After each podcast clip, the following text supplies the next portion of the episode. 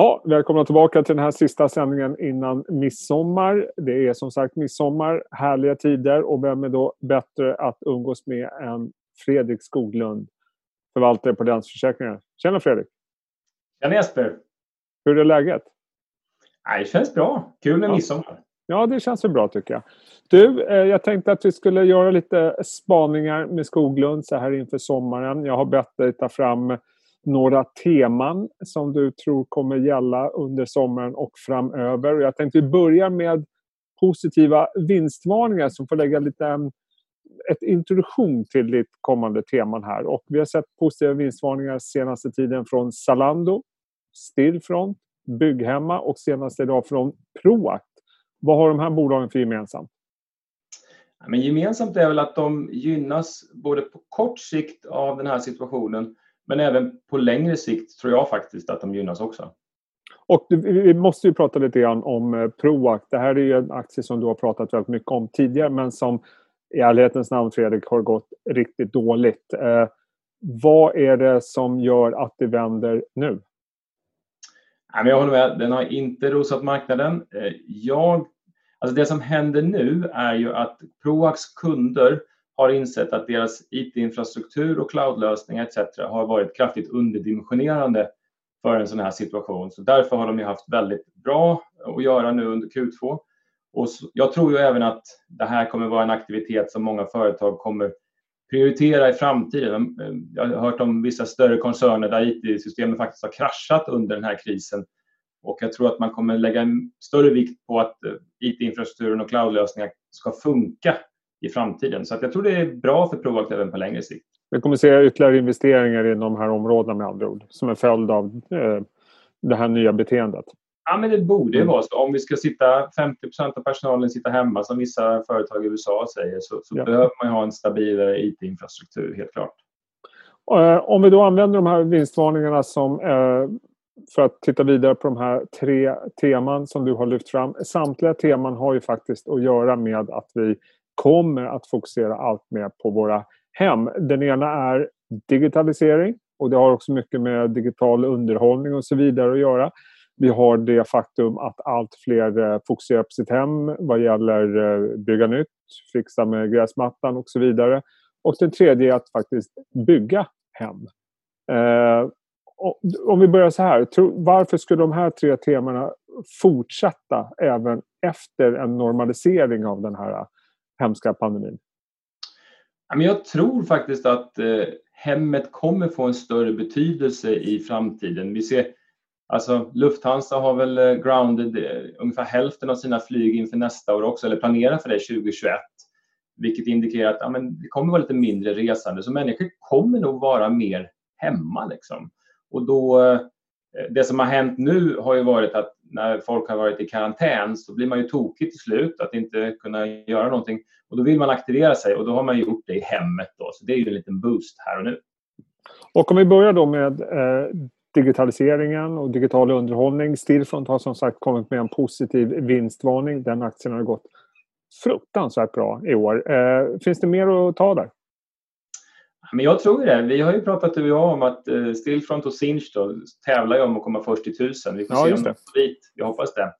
Eh, nej, men jag tror ju Stillfront tog in lite mer pengar häromdagen. Jag tror det blir fler förvärv. Jag tror ju vinsttillväxten kommer vara fortsatt väldigt hög och det bolag som kanske växer vinsten mest av alla. Så jag, jag, tror det finns lite mer krut kvar där. Men om man tittar på den här vinstvarningen och tittar på den ökade efterfrågan på digital underhållning och så vidare. Om man jämför med andra bolag. Paradox gick bra fram tills den här placingen. Den tycker jag i alla fall lite konstigt nog gick ner väldigt mycket på. Men sen har vi också en gammal darling till det och det är MTG som fortfarande har svårt att övertyga marknaden. Vad, vilka konsekvenser kan det här nya temat få för MTG? Jag tycker att digitalisering och digital konsumtion är ju väldigt positivt för MTG då. och jag är lite förvånad över att eh, aktien stått still efter Stillfronts positiva vinstvarning. För att eh, alltså halva verksamheten är ju ett, ett InnoGames då som är likadant som Stillfront. Och jag är ganska övertygad om att även deras eh, verksamhet har varit väldigt positivt tillverkad, till, påverkad av det här. Så jag tror att tillväxten i InnoGames kommer att vara väldigt hög i Q2 också. Så jag är lite förvånad att inte kursen i MTG gick upp på det eh, faktiskt. Varför tror du att marknaden har så svårt att ta till sig MTG? Varför har de svårt att övertyga aktiemarknaden? Jag tror det framförallt har att göra med att de kommer från eh, gamla MTG då, uppdelningen med Nent och eh, Jörgen Maltsen har varit VD länge. Det har varit många eh, om och men kring hur man ska göra med det här. Så jag tror många investerare är ganska utmattade på caset faktiskt. Om vi går över till nästa då, det här att vi pysslar allt mer i trädgården och hemmet. Vi såg ju Bygghemma, jag tror de hade en tillväxt på över 50 procent som de flaggade för i andra kvartalet. Eh, om vi tittar på liknande bolag som Byggmax till exempel, den aktien har gått också väldigt, väldigt bra. Kommer det här fortsätta under hela sommaren tror du? Ja, men jag skulle tro det, för att eh, oftast är det så när man sätter igång med sina projekt, eh, vad andra har sagt till mig, ja, men då fortsätter man gärna tills, eh, liksom, tills det är klart. Mm. Så att om du kommer igång tidigt på säsongen, ja men då kör du hela säsongen. Du dyker alltid upp något nytt. Och kopplat då med den här situationen vi är i nu, där många kommer vara hemma på semestern och etc. Så tror jag att jag tror att både Q2 och Q3 kan vara väldigt, väldigt starka kvartal för eh, den här typen av bolag. Då. Allt ifrån Husqvarna till Byggmax till Ja, det kan vara allt från Electrolux och Nobia eller vad det nu är. Jag tror många passar på att göra renoveringar både i trädgården och inne i huset eller i lägenheter under den här perioden faktiskt. Och apropå Husqvarna, det är en annan aktie som du har ältat för att säga ganska mycket under de gångerna du och jag har sett. Så när jag tittar runt här bland mina grannar och så köps det ju väldigt mycket trädgårdsprodukter. Både liksom Gardena och Husqvarna och allt möjligt. Varför för den har inte riktigt heller hängt med eh, i den här eh, uppgången, tycker jag i varje fall. Vad är det som håller tillbaka den? Och vad är det som talar för den framöver? Ja, men jag tycker mycket talar för Husqvarna framöver. tycker jag. Dels elektrifieringen i batterierna, ökad ESG-fokus. Eh, jag tror de här robotgräsklipparna, när det kommer för fotbollsplaner och golfbanor, och då kommer det bli ett helt annat fokus på liksom availability och där är Husqvarna långt, långt, långt före alla andra. Och sen den korta triggern är ju det här i USA. Jag menar, det säljs väldigt mycket färre robotgräsklippare i USA än det gör i Europa. Jag tror det är 50 000 i USA och 500 000 i Europa. Och jag tror ju att om väldigt många amerikaner stannar hemma i år så kan det vara att i år är året när eh, det slår igenom i USA. Och, och, det tycker jag är lite intressant i Husqvarna för att det är ju inte så att det kannibaliserar på försäljning nästa år. Om vi tar ett annat exempel, Dometic. Ja, mm. Där säljs det väldigt mycket husbilar nu då. Men alla husbilar som säljs i år, ja, men då kommer det antagligen säljas lite färre nästa år för då har man ju köpt sin husbil. Medan i robotgräsklipparna i USA då så är det ju så att de kommer från en så låg nivå så det är egentligen bara en positiv effekt.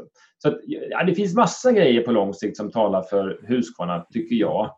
Men, eh, men, på, men, på, samma tema då, om det blir någon eventuell baksmälla för en del av de här aktierna, om man tittar på Bygghemma, Byggmax, kan det bli så att nästa år, om vi går in i någon form av normalisering vad gäller den här pandemin, att och dessutom svåra jämförelsekvartal givetvis nästa år, att det, det kommer bli en baksmälla där? Absolut, det finns det ju en risk. Eh, har man gjort viss renovering kanske man inte gör det nästa år. Men å andra sidan så är det det är många som köper sommarstugor i år som kanske börjar renovera. Och jag, jag tar tillbaka till det här med, med, flygindustrin. Då. De verkar ju tro att det är liksom 50% kapacitet 2021. Eh, och då tror jag, om det är så, då kommer i alla fall 2021 vara ett betydligt bättre år än 2019 inom liksom home improvement-verksamhet. Då, eh, skulle jag kunna tänka mig. Så jag tror inte bakslaget blir lika djupt som man kan befara 2021. Det är i alla fall mitt base case här och nu. Eh, om vi går in på närbesläktat område, det är just att bygga eh, hem. Eh, vi har bland annat sett fastighetssektorn har varit under press i år efter fantastiska år dessförinnan. Men om man tittar lite mer på de som bygger. Jag vet att du reagerade på att norska Veidekke gjorde en affär häromdagen. Varför var den så viktig och hur ska man tolka den utifrån de svenska byggbolagen? Ja, men jag tyckte den var viktig av två skäl. Dels var det väldigt intressant vem köparen var. Norwegian Property, ett, ett, ett vanligt fastighetsbolag som är villig, alltså det kanske är tuffare i deras vanliga nischer, kontor eller vad det nu är. och vill in då inom bostäder. För de väljer då att köpa Veidekkes bostadsverksamhet både i Sverige och Norge med landbank och hela kittet. Eh, och det är lite intressant för Veidekke gick ut med det här för länge sedan och sen under den här situationen med corona så har de förhandlat och nu kommit fram till att eh, Norwegian och deras partners de betalar 650 000 kronor per byggrätt. Eh, så det är två grejer. Dels byggrättspriset och dels att en kommersiell fastighetsspelare nu satsar på bostäder. Då. Och eh, om man tittar på det priset och jämför med vad till exempel din eh, gamla darling Peab värderas till. Hur kan man göra en sån tolkning? Eller? Ja, nej, men så är det ju. Eh, vissa analytiker har ju belyst det faktum att, då att alltså, byggrättsportföljen i Peab, ja, mm. den är värderad ungefär på bokfört värde då på 250 000 kronor eh, per byggrätt. Eh, så det ju, indikerar ju även att det finns väldigt mycket värde i Peab. Och jag, som jag sagt tidigare, jag gillar ju det här och de har ju gjort mycket rätt de sista åren. Ja. Men, men fortfarande, du, jag tror du har sagt att Peab är ett av de mest missförstådda bolagen på börsen. Eh, varför det? Och vad är det som ska få marknaden bli övertygad om att du har rätt i det här fallet? Ja, det vet jag inte. Eh, bolaget, jag tror så här. Många av historiska skäl har styrt bort från Peab. Jag vet inte riktigt varför, men de kanske inte gillade bröderna Paulsson eller någonting. Men det som har hänt sen de byggde din favoritarena där, Friends, eh, så ja, eh, det var ju sju år sedan eller vad det var. Då byggde de även Tele2 eh, arena samtidigt. Och det var ju höjden av dumhet i Peab, det har jag sagt tidigare. Men då hade de fem divisionschefer Eh, och alla de har fått sluta, så nu har man typ 17 regionschefer istället. Så, så Jesper och Niklas, VD och CFO, under de här sju åren har de ju förändrat Peab i grunden, eh, tycker jag, utifrån ett riskperspektiv. Att de här regionscheferna har mycket mindre riskmandat. Det, det går inte att bygga liksom två fotbollsarenor i Stockholm samtidigt. De mandaten finns inte längre, utan det blir mycket, mycket mer fokus på bostadsfastighetsutveckling, mycket mer på kommersiell fastighetsutveckling, mycket mer på fastigheter generellt. Så Peab håller på att bli mer och mer likt ett Skanska, tycker jag. Men värderas eh, liksom som ett byggbolag på P9.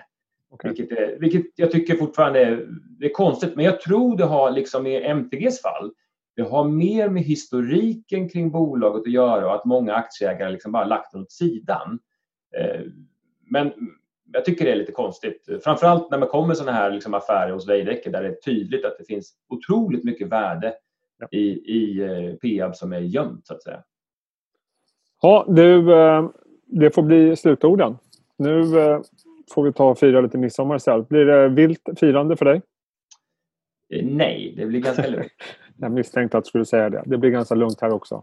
Du, kul att se dig se till att få lite ledigt nu så hörs vi igen eh, under rapportperioden för den blir ju fruktansvärt intressant, eller hur? Mycket spännande. Mycket ja, spännande. Jag håller inte alls med de som säger att det här kommer bli en rapportperiod som ingen bryr sig om. För det är redan inprisat. Ja, tveksam. Eller vad säger du? Ja, nej, det är ju väldigt intressant vad bolagen säger om Outlook faktiskt. Det ska bli ja. superspännande. Mycket intressant. Men du, eh, sköt om det och tack för att du tog dig tid och ha en riktigt skön midsommar. Hej på dig! Hej på dig!